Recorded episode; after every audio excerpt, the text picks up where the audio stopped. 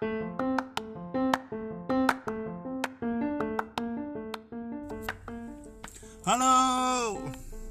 Ya ampun. Buset, udah lama banget. Rencana tinggal rencana, maunya sih podcastan ya tiap minggu gitu. Tapi ini satu term ambil berakhir nih term satu. Susah banget ya untuk ngerekam podcast itu ternyata.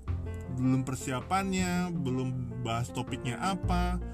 Walaupun soalnya gue menguasai, walaupun topiknya gue sebagai praktisi, gue tahu harus bahas apa, harus ngomong apa. Cuman tetap aja harus benar-benar menyediakan waktu dengan tenang dan hari ini juga gue udah uh, kuliah emang ini kayak bahas tentang pendidikan kayaknya oke banget nih ya tadi kuliah juga banyak bahas tentang manajemen uh, pendidikan. Menarik sih karena oh ya lu lagi dengerin. Lu udah sampai lupa gue untuk introduction. Lu lagi dengerin podcastnya Steph Yakuba gara-gara jadi guru. Tenong tenong. Ya gue belum bikin bumper saudara-saudara. Oke. Okay. jadi pertanyaan yang banyak banget ditanyain sama teman-teman gue kira-kira ini itu tentang sekolah buat anak gue tuh yang bagus kayak apa sih bro? Iya karena ya orang sepantaran gue udah pada udah pada punya anak lah ya S udah punya SD S anak teman SMP SMP nggak ada kayaknya.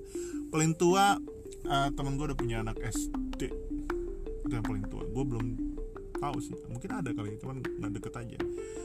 Anak SD ada. Dan mereka kebanyakan uh, bertanya-tanya kalau misalnya anak SD mereka tanya SMP yang bagus yang mana ya? Kalau misalnya anak masih kecil yang TK yang bagus yang mana ya? Kalau anak TK eh SD yang bagus yang mana ya? Emang sekarang itu pemilihan sekolah sangat krusial. Karena sebagai orang tua lu pernah deh lu pernah merasakan sekolah. Kalau misalnya lu dulu sekolah yang tempat nggak bagus lu pengen anak lu sekarang sekolah yang bagus. Kalau misalnya dulu lu sekolah lu keren lu pengen anak lu juga sekolah di tempat yang sama. Emang kalau pemilihan sekolah itu personal karena menentukan segalanya. Begitu katanya.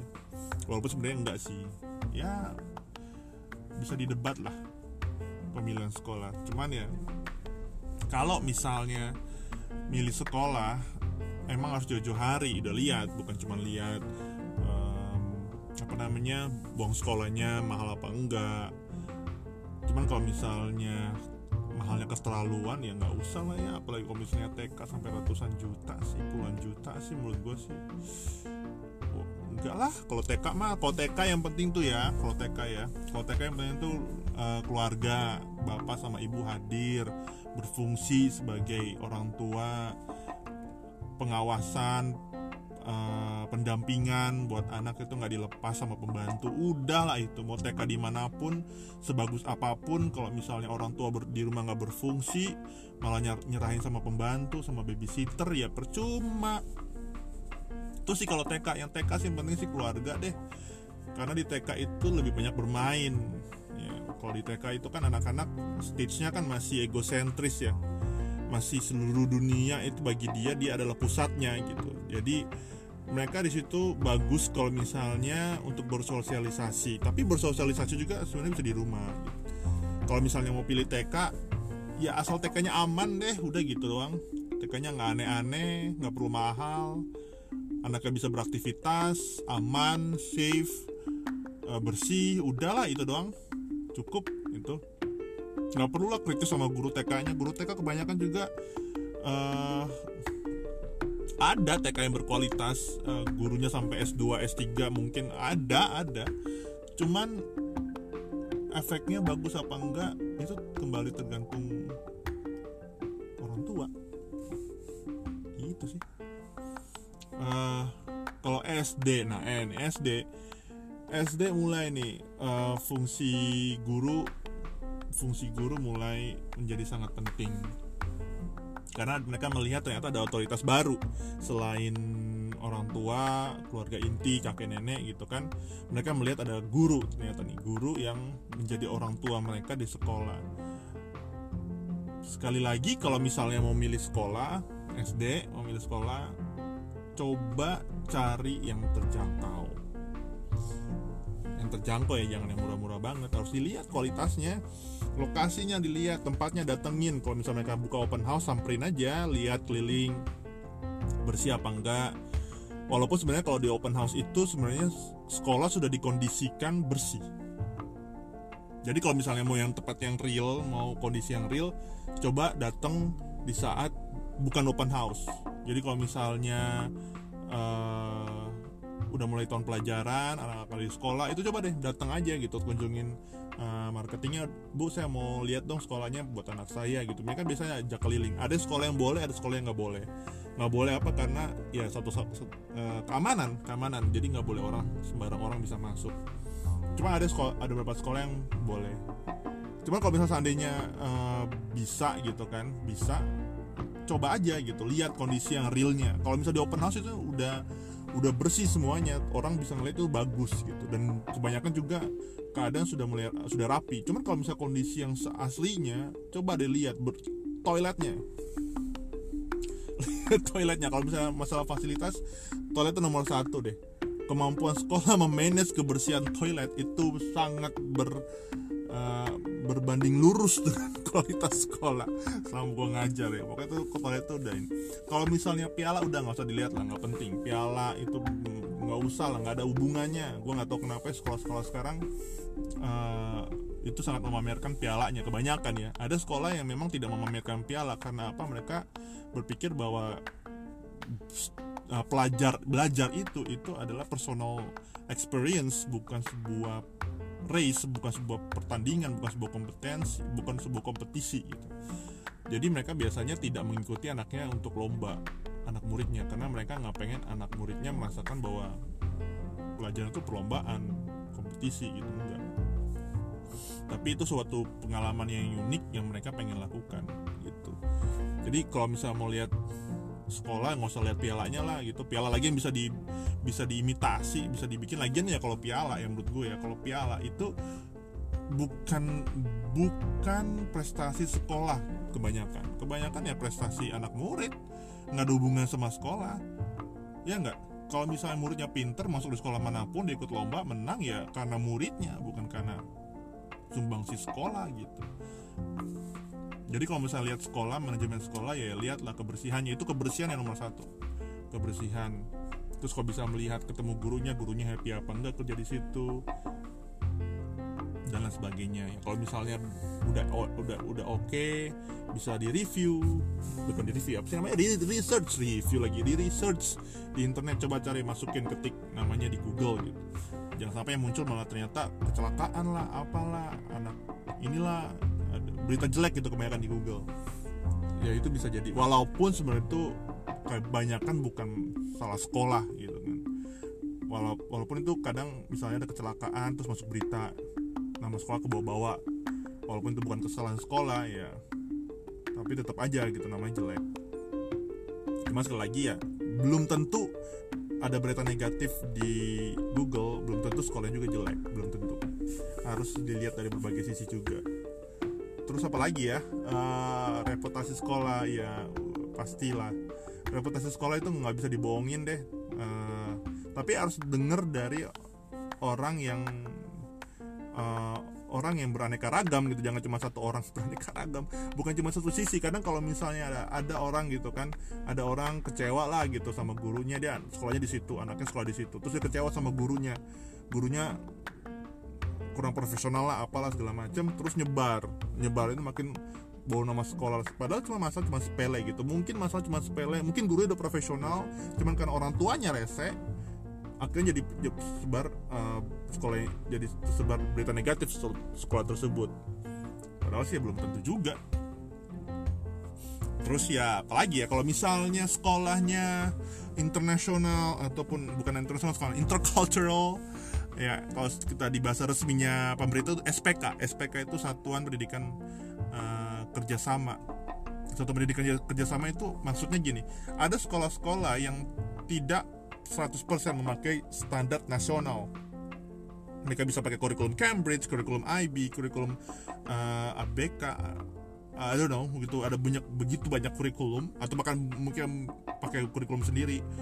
Itu namanya SPK. Nah, SPK ini uh, sangat beragam dan kualitasnya itu menurut gua itu baik secara, secara kurikulum. Cuman kalau kompetensi gurunya kurang, biasanya kurikulumnya tidak berjalan dengan baik. Makanya uh, sekolah itu, makanya tadi gue bilang kan, lihat gurunya happy apa enggak. Karena ngajar itu butuh hati bro, ya ngajar itu butuh hati. Kalau misalnya guru-gurunya kelihatan sana nggak happy lah, uh, kalau misalnya nerima tamu kayak nggak semangat lah apalah mungkin mungkin sakit sih. Cuman kalau misalnya secara overall lu bisa lihat lah body language dia. Dia sebenarnya happy apa enggak gitu. Coba bertanya lu bu atau pak gitu yang nemenin lu gitu kan. Atau jangan jangan biasanya sih marketing ya bingung ya gimana. Pokoknya coba cari gimana caranya bisa ngobrol sama gurunya. Gitu. Happy nggak di sini bisa dilihat ya dia cara dia jawab walaupun dia bilang happy tapi mukanya uh, suram gitu tetap aja. Terus tanya banyak nggak yang sering resign? Banyak nggak turnovernya tinggi apa enggak lihatlah jadi guru itu udah fak kenapa guru penting uh, kejadian di Kudus uh, Jarum Foundation dia bikin uh, dia mem, dia bikin CSR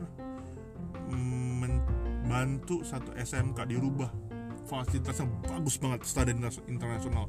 Bener-bener keren banget lu coba aja search deh. Itu kan uh, Jarum Foundation CSR di SMK Kudus. Itu keren banget gue sampai takjub liatnya cuman komen dari mereka bilang begini permasalahan adanya bukan dari fasilitas tapi dari kompetensi gurunya. Walaupun sudah dibikin standar internasional kalau gurunya nggak mampu gurunya kurang terampil pasti nggak akan jalan walaupun fasilitas udah keren. Makanya kalau misalnya sekolah itu guru udah paling udah paling uh, signifikan factors.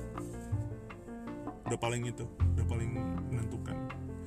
Mungkin bisa ngelihat fasilitasnya mungkin agak tidak bersih atau mungkin agak manajemennya mungkin uh, tidak seperfect di tempat lain gitu. Cuman kalau misalnya gurunya happy, gurunya disiplin gurunya kreatif udah deh itu udah keren sih menurut gue terus apa lagi ya?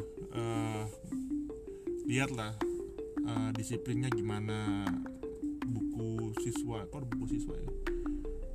Pokoknya lihat deh value nya tanya gimana kalau misalnya anak uh, anak gimana caranya sekolah mendisiplin anak kalau misalnya dia uh, behaviornya kurang itu terus tanya uh, hal lain sebagai yang personal lah. Karena kalau udah pendidikan itu udah sifatnya personal.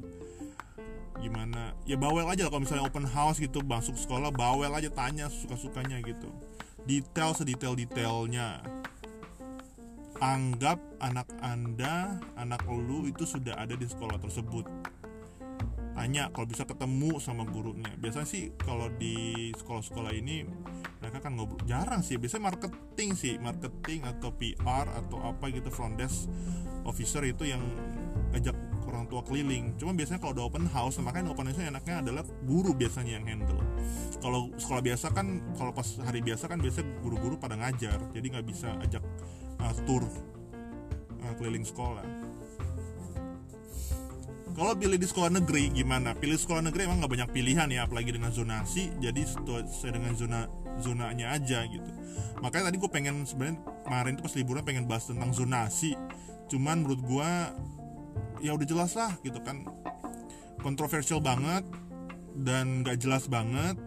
Walaupun ujungnya gue ngerti pemerintah mau ke mana gitu. Jadi kalau untuk sekolah negeri ya kita nggak banyak pilihan lah gitu kan. Terus uh, kalau sekolah swasta sekolah swasta aduh um, jadi kan kalau kalau di pemerintah ada tiga tuh SD negeri apa sorry, sorry sekolah negeri sekolah swasta sama sekolah SPK SPK ini emang kebanyakan swasta ya banyak yang bagus-bagus. Gue belum pernah bertemu dengan sekolah swasta yang pakai kurikulum nasional. Belum pernah. Biasanya itu foundation foundation yang lumayan uh, struggling ya di financial. Jadi biasa sekolah-sekolah swasta yang kecil yang gue lihat ya. Kalau misalnya swasta yang besar mereka maksudnya daftarnya kebanyakannya adalah SPK gitu. Mereka pakai uh, kurikulum uh, campur. SMP SMP nah SMP ini selain faktor bukan faktor guru yang dilihat sekarang bukan faktor guru aja yang dilihat tapi faktor pertemanan faktor ya lingkungan ya lingkungan. Jadi uh, itulah kenapa gue jadi mengerti sebenarnya kenapa kalau orang tua itu kebanyakan milih sekolah yang berbasis agama. Karena mereka pengen anaknya dipengaruhi oleh anak-anak yang baik. Walaupun gue argumen sih sebenarnya itu tidak pengaruh dari anak-anak teman-temannya doang gitu tapi dari orang tuanya juga. Cuma sekali lagi kalau anak SMP udah mulai udah mulai harus melihat udah mulai harus melihat uh, karena transisi dari SD ke SMP itu sangat paling berat jadi kalau bisa kalau misalnya SD-nya di A dan SD tersebut punya SMP lebih baik sih ya di di SMP itunya aja gitu. Satu aja SMP di SMP yang sama gitu lanjutan dari SD tersebut. Kalau misalnya mau pindah dari SDA terus mau pindah ke SMP yang bukan satu lainnya gitu misalnya uh, SD Akuba gitu kan. Terus masuknya aja di, SMP Akuba gitu kalau ada. Cuman kalau misalnya SD uh, eh, dari SD Akuba pengen ke SMP yang lain ya harus ada pertimbangan yang matang boleh aja tapi harus ada pertimbangan yang matang karena biasanya uh, setahu gue uh, kebanyakan itu transisi dari SD ke SMP itu lumayan paling berat karena sistemnya beda jauh. Kalau SMP ke SMA itu lebih gampang karena mereka sudah sudah bisa mandiri kan. Nah kalau SD SD ke SMP ini yang paling susah transisinya, paling berat, paling bikin stres anak-anak. Gitu. Jadi hati-hati. Kalau misalnya mau pindah ke sekolah yang lain, saran gue sih uh, apa ya, bener-bener ada alasan yang jelas. Gitu. Terus apa lagi ya? Um, kalau milih SMP udah mulai akademis akademis dulu deh. Kuatin terus pergaulan jangan sampai pilih sekolah yang sering tawuran ya apa ya jangan lah atau sekolah-sekolah yang nggak jelas itu kalau SMP SMP itu udah mulai mereka belajar bersosialisasi dengan baik. Jadi social awarenessnya mereka harus di, ini harus ditumbuhkan ditumbuh kembangkan terus uh, self awareness juga social uh, self self uh, management juga mereka harus belajar. Jadi udah mulai banyak refleksi pribadi mereka di SMP gitu kan. SMP itu mulai sudah bergejolak kan masalah mau Uber segala macam. Jadi emang pertemanan itu sangat sangat sangat krusial. Jadi pilihlah sekolah di SMP itu nggak penting fasilitasnya deh. Fasilitasnya tapi ya fasilitas penting lah penting gue ngerti gitu. Teman sepenting-pentingnya fasilitas lebih penting pergaulannya kalau SMP itu. Itu poin gue SMA oke okay, kalau SMA ini kan mulai ya ada SMA ada SMK ada ya sejenis lah ada sekolah vokasi yang mau siap kerja atau SMA eh, yang mau kuliah. SMA pun mas kalau mau kuliah pun bingung. Kalau misal mau kuliah udah pro, proyeksinya untuk mau keluar negeri udah harus tahu tuh mau di sekolah di mana. Kalau misalnya sekolahnya kira-kira dalam negeri aja udah tahu sekolahnya harus di mana. Biasa orang tua udah mulai pinter tuh mereka melihat presentasi anak-anak lulusan SMA ini yang masuk sekolah yang masuk universitas negeri. Mereka lihat oh ternyata anak lulusan sekolah ini banyak gitu kan. Gue sering tuh lihat gue sudah sering tuh uh, ketemu orang tua yang seperti itu. Lumayan smart sih lumayan pintar. Mereka jadi tahu uh, anaknya mau di sekolah mana tapi permasalahannya anaknya mau nggak gitu kan? Anaknya mau nggak? Sekolah negeri bagus loh sekolah negeri itu. Murah lagi kan nggak semahal sekolah swasta. Karena kalau lulusan negeri cuman ya sekolah swasta juga bagus sih.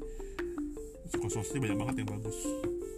SM eh, kampus ini kampus swasta juga banyak yang bagus. SMA pilih ya udah itu si proyeksinya mau ke mana? Udah proyeksi kuliahnya mau ke mana? Pergaulan ya pastilah pergaulan fasilitas lah ya itulah udah udah mulai udah mulai udah mulai ngerti lah. Tapi misalnya uh, kalau misalnya pengen di negeri lihat negerinya. Gue nggak tahu deh zonasi masuk SK zonasi juga ya SMA apa zonasi kemarin cuma SD doang ya? Gue lupa deh. Apa masuk SMP juga ya? Gue lupa deh ya cuman kalau misalnya kena zonasi juga SMA wah ya susah juga ya. Karena setahu gue sekolah negeri di Jakarta Jakarta aja ya nggak rata itunya. Maka ada sekolah unggulan. Dan kalau misalnya sekolah unggulan kenapa dia unggulan? Bukan cuma soal fasilitas dan guru ya karena yang masuk masuk juga unggulan. Lu terima teman lu semua satu kelas semuanya anak pinter semua anak bagus di akademis ya pasti akan terpacu. Makanya yang unggulan makin unggulan yang unggulan yang makin jeblok. Makanya zonasi itu sebenarnya bagus bagus. Asal asal fasilitas dan kompetensi gurunya sudah merata kualitasnya. Tuh intinya. Cuma kalau misalnya dipaksain ya kalau mau saling menungguan ya susah juga sih. Jadi pemerintah kebijakannya seperti itu ya ikutin aja. Itu ya jadi kalau misalnya TK aduh udahlah asal. Yang penting mah ini kalau SD SD ini yang krusial ya. Sekolah itu SD itu harus benar-benar berkesan kok. Dengan gurunya dengan apa gitu kalau SMP SMP juga. SMA udah mulai ke pergaulan dan mereka sudah mikir masa depan. SMK gue tidak menyarankan gue tidak menyarankan SMK sebenarnya. Nggak tahu kenapa ya gue kurang serak dengan SMK tapi kalau misalnya emang mau langsung kerja dari SMK terus pengen langsung kerja ya monggo bagus itu SMK cuman ya itu masa kritik gue untuk pendidikan ya itu. Gue tidak suka uh, kita fokus ke konten dan hard skill. Kalau misalnya hard skill lu bisa belajar di mana aja asal lu punya uh, kompetensi sebagai uh, lifelong learner. Orang yang terus mau pengen belajar. Nah ini yang sekolah harus bisa memfasilitasi itu jadi kalau misalnya sekolah pengen lulusannya bisa belajar mandiri belajar di rumah belajar di rumah gitu kan atau belajar di mana pun dia kan akan bisa gitu dengan konten apa pun mau belajar jadi kalau misalnya mau pengen masak kalau misalnya dia belajar di sekolah untuk mental seorang yang kreatif, seorang yang bisa menyelesaikan masalah, dia pengen belajar masak, dia kan belajar di luar, nggak perlu ada konten memasak di sekolah. Begitupun juga, misalnya dia pengen belajar otomotif, nggak perlu ada konten otomotif di dalam sekolah, asalkan dia punya uh, kemauan untuk belajar. Nah, kemauan untuk belajar ini yang harusnya dipupuk dalam sekolah. Fokus ke situnya bukan fokus ke konten. Maka sekolah vokasi ini sebenarnya gue agak tidak setuju gitu. Seharusnya sekolah fokus ke kompetensi. Dan kalau misalnya anak punya ketertarikan dalam otomotif, fashion, ketertarikan dalam maritim, apa dalam kelautan atau dalam peternakan, pertanian ataupun segalanya gitu. Dan pengen langsung kerja setelah SMA, pemerintah bisa membuat sebuah inkubator inkubator uh, pelatihan dibandingkan bikin SMK cuman itu dari posisi gua sih. Walaupun ya banyak yang poin positif juga dari SMK bagi gua ya kalau udah sebagai negara yang pengen maju kita harus mencetak lulusan-lulusan yang bisa berpikir kritis bukan cuma bisa hard skill jago mahir dalam keterampilan hard uh, keterampilan yang seperti itu gitu. Gitu sih. Ya semoga gue bisa lanjutin podcast gue berikutnya ya. Tapi so far I miss this thing. Ya gue kangen banget duduk diem terus ngomong tentang pendidikan. eh okay, then see you soon guys. See you soon. Thank you for listening. See you